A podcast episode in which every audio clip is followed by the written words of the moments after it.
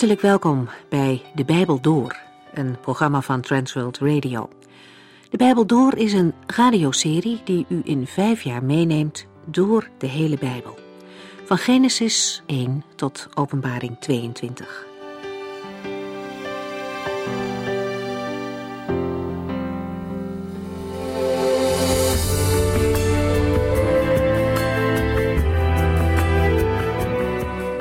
We gaan verder met het eerste Bijbelboek Genesis, hoofdstuk 22. Het is een indringende geschiedenis waarin Abraham zwaar op de proef gesteld wordt. Vorige keer zagen we dat Abraham in zijn leven soms voor moeilijke keuzes kwam te staan. In Genesis 21, het vorige hoofdstuk bijvoorbeeld.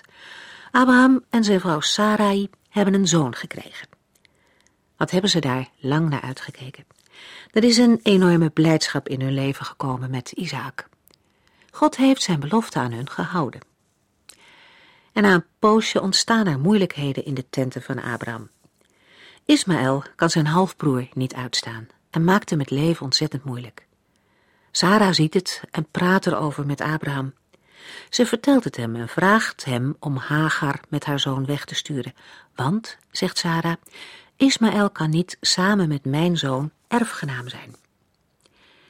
Het is een ontzettend moeilijke keuze waar Abraham nu voor komt te staan.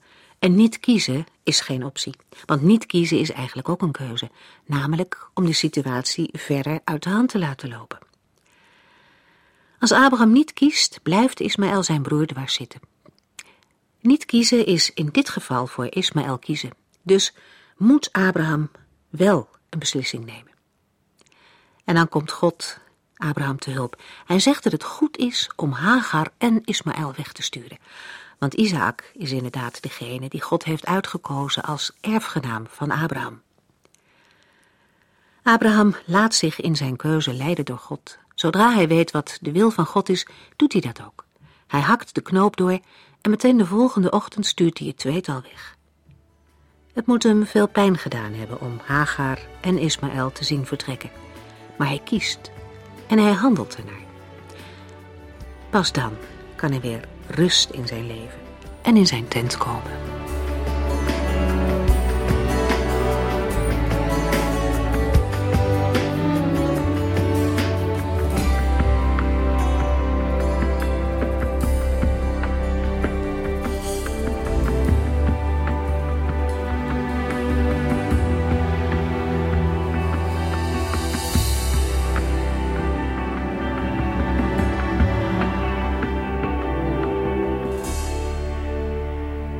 21ste hoofdstuk van Genesis eindigde met vers 34. Abraham bleef nog lange tijd in het land van de Filistijnen wonen. Abraham heeft een zoon, krijgt aanzien en heeft een put en een boom. Na alle problemen lijkt het nu de goede kant uit te gaan. Vrede en veiligheid in de ouderdom zijn een zegen. Helaas is het hier een stilte voor de storm. Genesis 22. Met Genesis 22 komen we weer bij een hoogtepunt uit de Bijbel. Hoofdstuk 22 is de geschiedenis van Abraham, waarin God hem vraagt zijn eigen zoon te offeren. Niet dat God dat echt zou willen, de Heere God verbiedt mensen offers, maar de Heere stelt Abraham op de proef. Op het laatste moment houdt de Heere God hem tegen. God zag dat Abraham inderdaad bereid was om te doen wat hij had gevraagd. Genesis 22 brengt ons ook bij de zevende en laatste verschijning van de Heere God aan Abraham.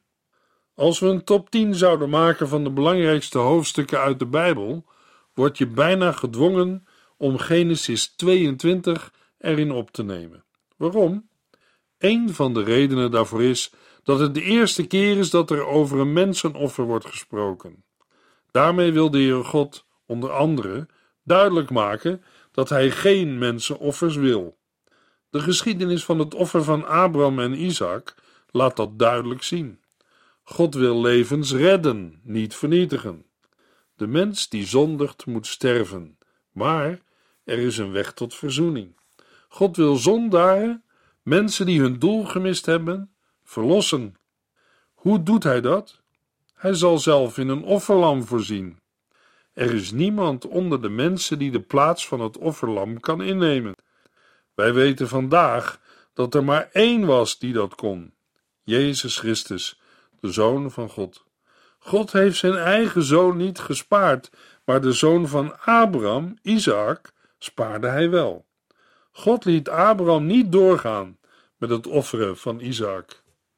Genesis 22 is te vergelijken met andere Bijbelgedeelten die gaan over het lijden en sterven van Christus. Bijvoorbeeld Psalm 22 en Jesaja 53. Als een mens deze grote waarheid mag zien in de geschiedenis van Genesis 22, dan beneemt het je de adem. Niet alleen in de geboorte van Isaac, maar ook in het offer van Isaac ligt treffende gelijkenis met het leven van de Heer Jezus Christus. Het is in dit verband van belang dat we luisteren naar wat Jacobus zegt over de gebeurtenissen in Genesis 22. Weet u niet meer dat God onze voorvader Abraham rechtvaardigde om wat hij deed? Hij gehoorzaamde, zelfs al hield dat in dat hij zijn eigen zoon op een altaar moest offeren. Jacobus 2, vers 21. Dat lijkt tegengesteld met wat Paulus zegt in Romeinen 4, vers 1 tot en met 3. Hoe staat het dan met Abraham, die de stamvader van ons Joodse volk is? Als hij door zijn eigen inspanning vrij voor God stond, zou hij reden hebben om trots te zijn. Maar tegenover God kun je niet trots zijn. In de boeken staat het zo: Abraham geloofde God en daarom beschouwde God hem als een rechtvaardig mens. Wie heeft er gelijk? Jacobus of Paulus? Het antwoord is allebei. Beiden spreken over hetzelfde, over geloof. Jacobus spreekt over de werken van het geloof, niet de werken van de wet. Paulus spreekt over het geloof als rechtvaardiging voor God. Hij citeert het vijftiende hoofdstuk van Genesis. Lang geleden, toen Abraham nog maar net in geloof begon te wandelen, God alleen kende in die tijd het hart van Abraham. God zag dat Abraham hem geloofde. Abraham geloofde het woord van de Heere en dat was de reden dat God hem als een rechtvaardig mens beschouwde. Genesis 15 vers 6 We hebben gezien dat ook Abraham vele malen faalde. Zijn buren kunnen gezegd hebben, we zien er niets van dat hij rechtvaardig is. Maar toen de dag aanbrak dat hij zijn zoon meenam om hem op het altaar te gaan offeren, moest zelfs de meest verstokte Filistijn erkennen dat Abraham zijn geloof met daden demonstreerde. Jacobus zegt dat Abraham door zijn werken werd gerechtvaardigd. Wanneer werd hij gerechtvaardigd? Toen hij Isaac offerde. De vraag zal opkomen: heeft Abraham werkelijk Isaac op het altaar geofferd? Het antwoord is nee, dat deed hij niet. Maar hij was ertoe bereid. Die daad van bereidheid is waarover Jacobus spreekt. Het laat zien dat Abraham zijn geloof in praktijk bracht met geloofsdaden. We kunnen het ook als volgt samenvatten. Jacobus benadrukt de gebeurtenissen in Genesis 22. En Paulus heeft het over dat wat in Genesis 15 wordt gezegd. Genesis 22, vers 1. Enige tijd later stelde God Abraham op de proef. Abraham, zei God. Ja, heren, hier ben ik, antwoordde Abraham. Het woord op de proef stellen kan verkeerd overkomen. Het betekent feitelijk toetsen of testen. Jacobus maakt in zijn brief duidelijk dat God wel beproeft, maar niet verzoekt. Jacobus 1, vers 13. God beproeft mensen in de zin dat hij hun geloof test. God testte Abraham met iets dat hem vreemd voorkwam. Genesis 22, vers 2. Neem uw zoon, uw enige, van wie u zoveel houdt, Isaac, ga naar het land Moria en offer hem daar als een brandoffer aan mij. De plaats waar u dat moet doen, zal ik u wijzen. In Genesis 23, vers 1 wordt verteld dat Sarah 127 jaar was toen ze stierf.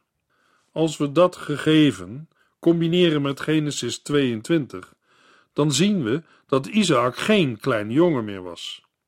Sarah was 90 jaar toen Isaac werd geboren en 127 toen ze stierf. Dat betekent dat er 37 jaar voorbij is gegaan. Aangezien Isaac in Genesis 22, vers 5 een jongen wordt genoemd, zou dat de lezer een verkeerde indruk kunnen geven over de leeftijd van Isaac. Op grond van het voorgaande moeten we concluderen dat hij in feite in de 30 was, waarschijnlijk rond de 30 of 33 jaar. Neem uw zoon, uw enige, van wie u zoveel houdt, Isaac. Met gevoel en respect krijgt Abraham opdracht om met Isaac naar het land Moria te gaan. In het oog springt de gelijkenis met de Heer Jezus Christus. Neem uw zoon. De Heer Jezus is de enige geboren zoon van God. Uw enige zoon Isaac, van wie u zoveel houdt. In het Nieuwe Testament horen wij de Heer Jezus zeggen: God, de Vader, heeft mij lief. Ga naar het land Moria.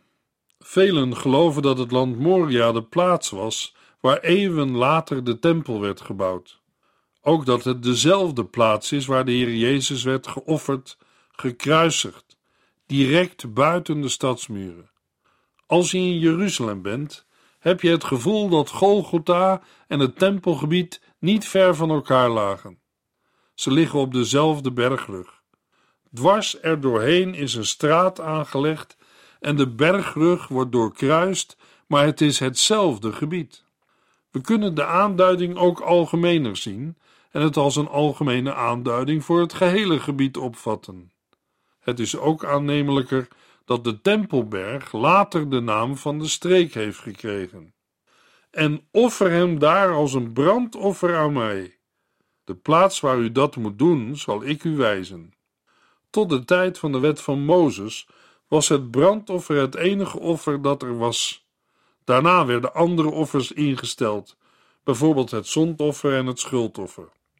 Voor een nieuwtestamentische gelovige spreekt het brandoffer ook van de persoon van Jezus Christus. Hij is het offerlam. Voor Abraham komt het over dat God hem vraagt een mensenoffer te brengen.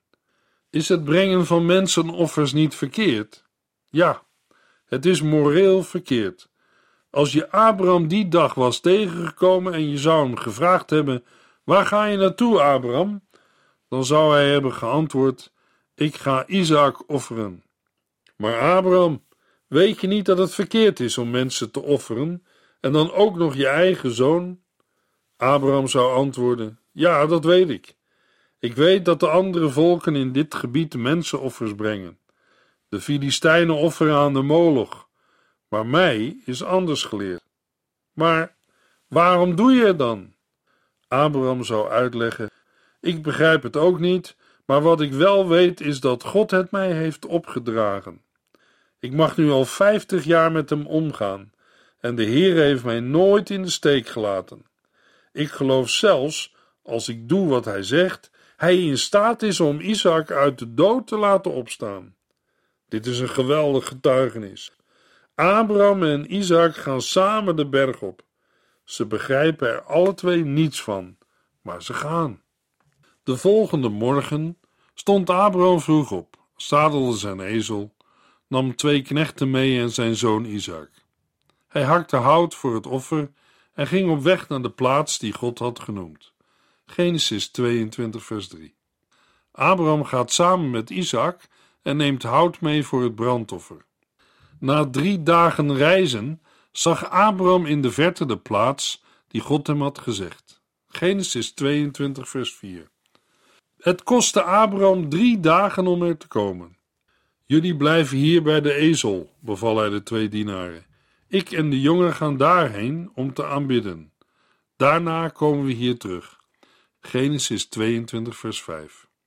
De handelingen die plaatsvinden, spelen zich af tussen vader en zoon, tussen Abraham en Isaac. In feite is dat ook zo bij de kruisiging van de Heer Jezus. Bij het kruis gaat het ook om dingen tussen de vader en de zoon. De mens wordt buitengesloten. Midden op de dag kwam de duisternis. Niemand kon werken. Tijdens de laatste drie uur werd het kruis een altaar waarop het lam van God werd geofferd. De Heer Jezus Christus, die de zonden van de wereld wegneemt. De uitvoering vond plaats tussen de Vader en de Zoon. De mens stond aan de kant en had er geheel geen deel aan. In Genesis 22 is dat ook zo. Het gaat tussen de vader en de zoon, Abraham en Isaac. Abraham liet Isaac het hout voor het offervuur dragen en nam zelf het mes en het vuur. Zo liepen zij samen verder. Genesis 22, vers 6. Abraham liet Isaac het hout voor het offervuur dragen. Christus droeg zelf zijn kruis. Het vuur spreekt van oordeel, en het mes spreekt van de uitvoering van het oordeel en van offer. Vader, zei Isaac, wat is er, mijn jongen? vroeg Abraham. We hebben hout en vuur, zei Isaac, maar waar is het lam dat wij moeten offeren? God zal zelf voor een offerlam zorgen, jongen, antwoordde Abraham. En weer gingen zij samen verder. Genesis 22, vers 7 en 8. Later, in vers 13, wordt ons verteld dat kort hierna een ram met zijn horens in de struiken vastzat. Abraham offerde toen die ram. In vers 8 zegt Abraham dat God zelf zal voorzien in een lam. Maar er was geen lam, er was een ram, en dat is een verschil. Het lam werd pas eeuwen later gegeven, toen Johannes de Doper hem aanwees met de woorden: Kijk, het offerlam van God, hij neemt de schuld van de wereld op zich. Johannes 1, vers 29. God zal zelf voor een offerlam zorgen. Het is heel belangrijk om te zien dat Abraham hier profetisch spreekt. Abraham begrijpt het niet, maar hij is nu klaar om zijn jongen te offeren op het altaar. Toen zij aankwamen op de plaats die God Abraham had aangewezen, bouwde Abraham een altaar en stapelde het hout erop. Toen bond hij Isaac vast en legde hem op het altaar op het hout. Genesis 22, vers 9. Isaac is niet maar een jongen die door Abraham wordt vastgebonden. Hij is een volwassen man. Ik geloof dat als Isaac dat niet had toegelaten, Abraham niet sterk genoeg was geweest om hem te overmeesteren. Maar Isaac laat alles gehoorzaam over zich komen. Daarin lijkt hij op de Heer Jezus.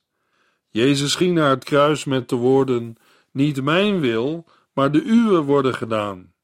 Hij ging naar het kruis om de wil van God te volbrengen. Wat gaat Abraham nu doen? Genesis 22, vers 10. Hij pakte het mes, hief zijn arm op om zijn zoon te doden. Op dit punt gekomen, zouden wij wellicht gezegd hebben: Abraham, ga je hiermee door? Wat denkt u dat Abraham zou hebben geantwoord? Ik denk dat hij gezegd zou hebben: Ja, dat doe ik. Ik heb geleerd dat dit verkeerd is en ik begrijp het ook niet, maar ik heb ook geleerd om God te gehoorzamen. God heeft Abraham door verschillende crisissen heen geleid. Iedere crisis was een echte beproeving voor geest, ziel en lichaam. Maar dit is het toppunt van alles.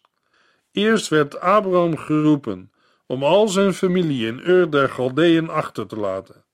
Hij moest iedereen verlaten. In het begin ging dat niet zo erg goed.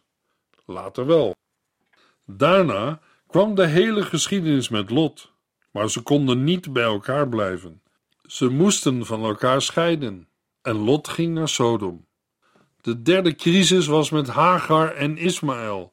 Abraham riep het uit tot God: O mocht Ismaël toch voor u leven. Hij hield van die jongen. Abraham vond het vreselijk om hem weg te moeten sturen. Nu komt de zwaarste proef voor Abraham, de vierde grote crisis in zijn leven. Hij moet Isaac opgeven. Abraham begrijpt alle bijzonderheden niet. God heeft toch gezegd: In Isaac zal van uw nageslacht gesproken worden. Abraham geloofde dat God Isaac uit de doden zou opwekken en aan hem teruggeven. Hebreeën 11, vers 19. Abraham was bereid door te gaan met het offeren van Isaac, maar het hoefde niet.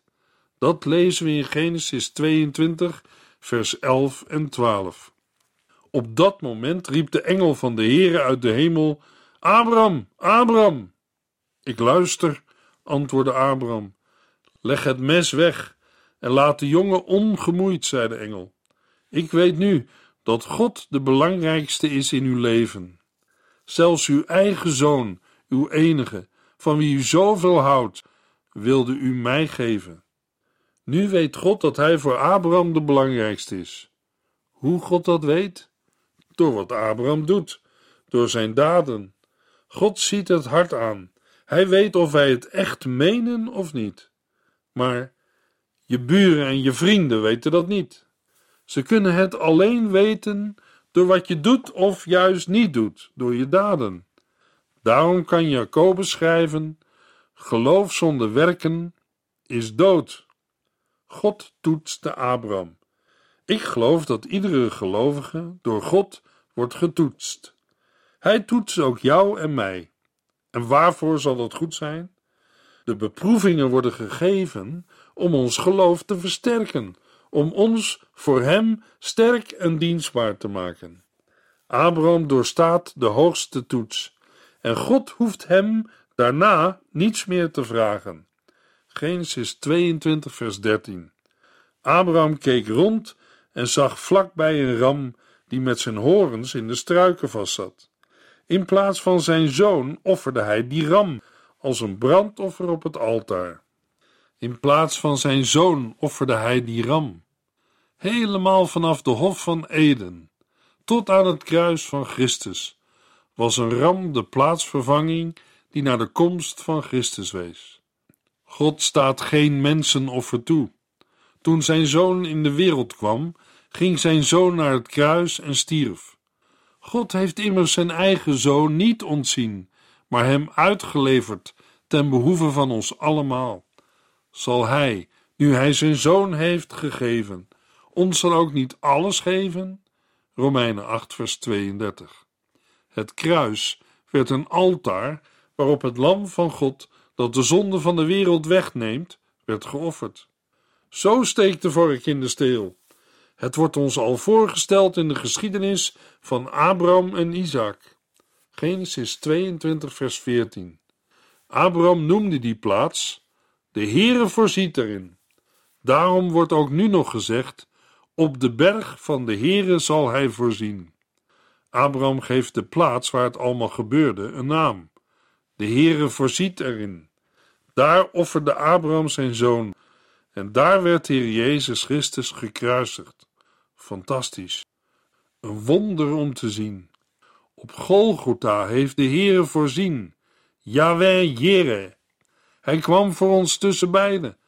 Maar op Moria kwam God ter wille van Abraham tussen beiden. Dit is de plaats waar God ter wille van hem tussen beiden kwam.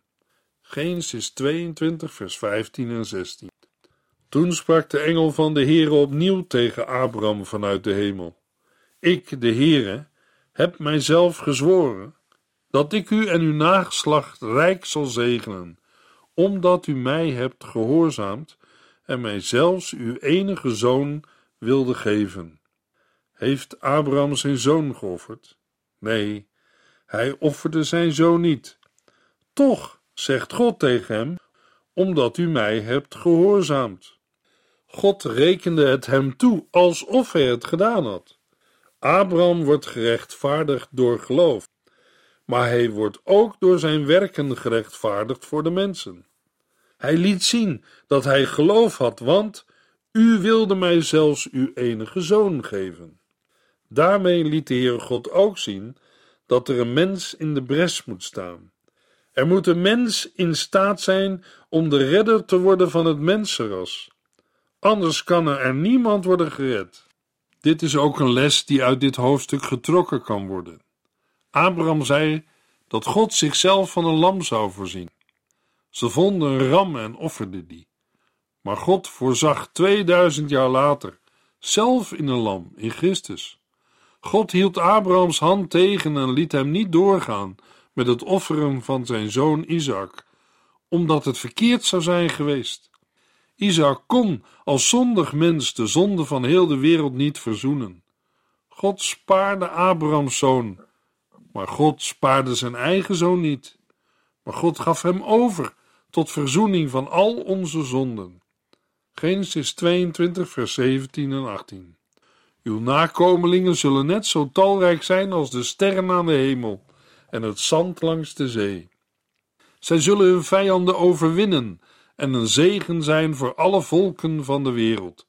En dat alles omdat u mij hebt gehoorzaamd. Uw nakomelingen zullen een zegen zijn voor alle volken van de wereld. Welke nakomelingen zijn dat? Als we Gelaten 3 vers 16 lezen, dan zullen we vinden dat Paulus uitlegt wat nakomelingen betekent. Wel, God deed Abraham en zijn nakomelingen een belofte.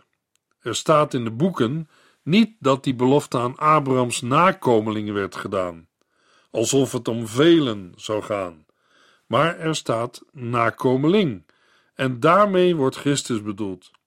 Hiermee hebben we de uitleg van de Bijbel zelf van de nakomelingen.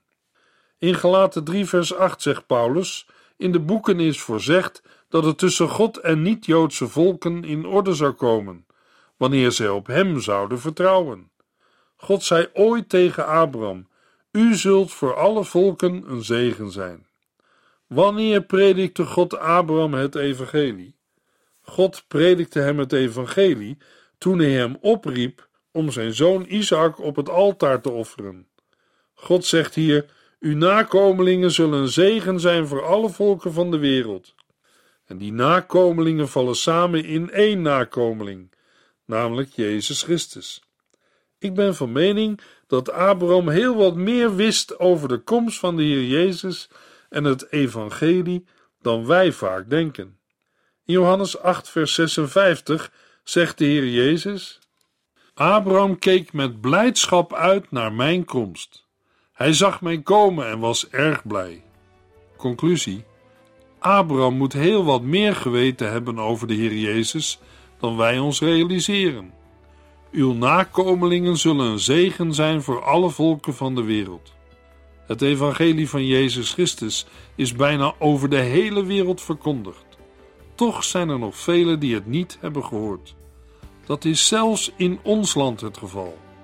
De zegen van Abraham is, door Christus, naar alle volken uitgegaan, omdat u mij hebt gehoorzaamd. Die gehoorzaamheid rustte op Abrahams geloof.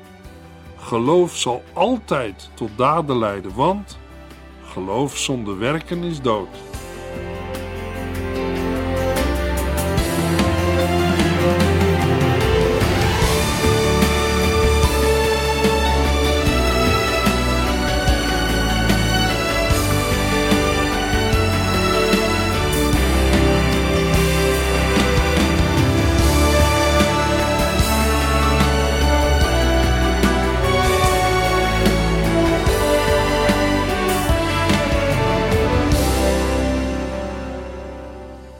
Geluisterd naar De Bijbel Door. In het Nederlands vertaald en bewerkt door Transworld Radio. Een programma waarin we in vijf jaar tijd de hele Bijbel doorgaan. Als u wilt reageren op deze uitzending of u heeft vragen, dan kunt u contact met ons opnemen. Tijdens kantooruren kunt u bellen op 0342 47 8432. 0342 47 8432. 32. Ook kunt u een e-mail sturen naar de Bijbel transworldradio.nl en natuurlijk kunt u ook via de post ons bereiken. TWR, postbus 371, postcode 3770, AJ in Barneveld. Dit programma werd gepresenteerd door Cor Weda en Ike André. Techniek was in handen van Odin van Woerdekom. En wij allemaal bedanken u voor het luisteren. Graag tot de volgende keer.